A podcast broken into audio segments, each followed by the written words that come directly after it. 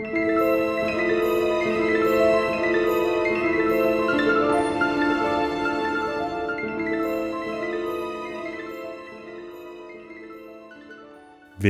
til Forlæst, podcasten, hvor vi lytter os tilbage i tiden på jagt efter de fortællinger, som stadig kan vækkes til live.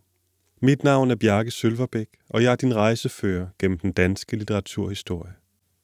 I dette afsnit begynder en sæson med H.C. Andersens kendteste eventyr. Det første er også det korteste. Prinsessen på ærten fra 1835. God fornøjelse.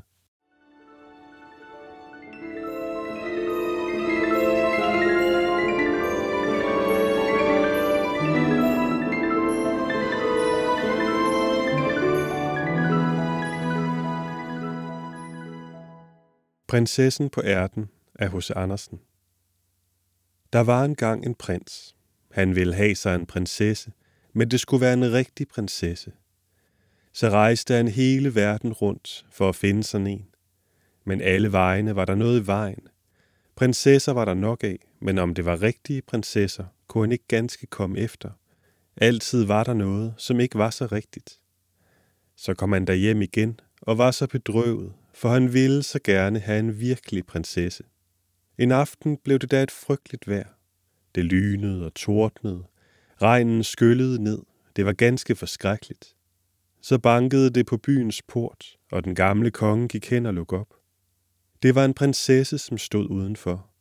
Men Gud, hvor hun så ud af regnen og det onde vejr. Vandet løb ned af hendes hår og hendes klæder, og det løb ind af næsen på skoene og ud af hælen, og så sagde hun, at hun var en virkelig prinsesse. Ja, det skal vi nok få at vide, tænkte den gamle dronning.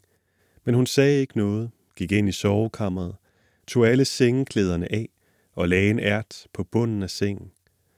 Derpå tog hun 20 madrasser, lagde dem oven på ærten, og så endnu 20 æderdunstyner oven på madrasserne. Der skulle nu prinsessen ligge om natten. Om morgenen spurgte de hende, hvorledes hun havde sovet. Åh, forskrækkeligt slet, sagde prinsessen. Jeg har næsten ikke lukket mine øjne den hele nat. Kunne ved, hvad der har været i sengen. Jeg har ligget på noget hårdt, så jeg er ganske brun og blå over min hele krop. Det er ganske forskrækkeligt. Så kunne de se, at det var en rigtig prinsesse, da hun igennem de 20 madrasser og de 20 æderdunstyner havde mærket ærten. Så ømskinnet kunne der ingen være uden en virkelig prinsesse. Prinsen tog hende da til kone, for nu vidste han, at han havde en rigtig prinsesse, og ærten kom på kunstkammeret, hvor den endnu er at se, der som ingen har taget den. Se, det var en rigtig historie.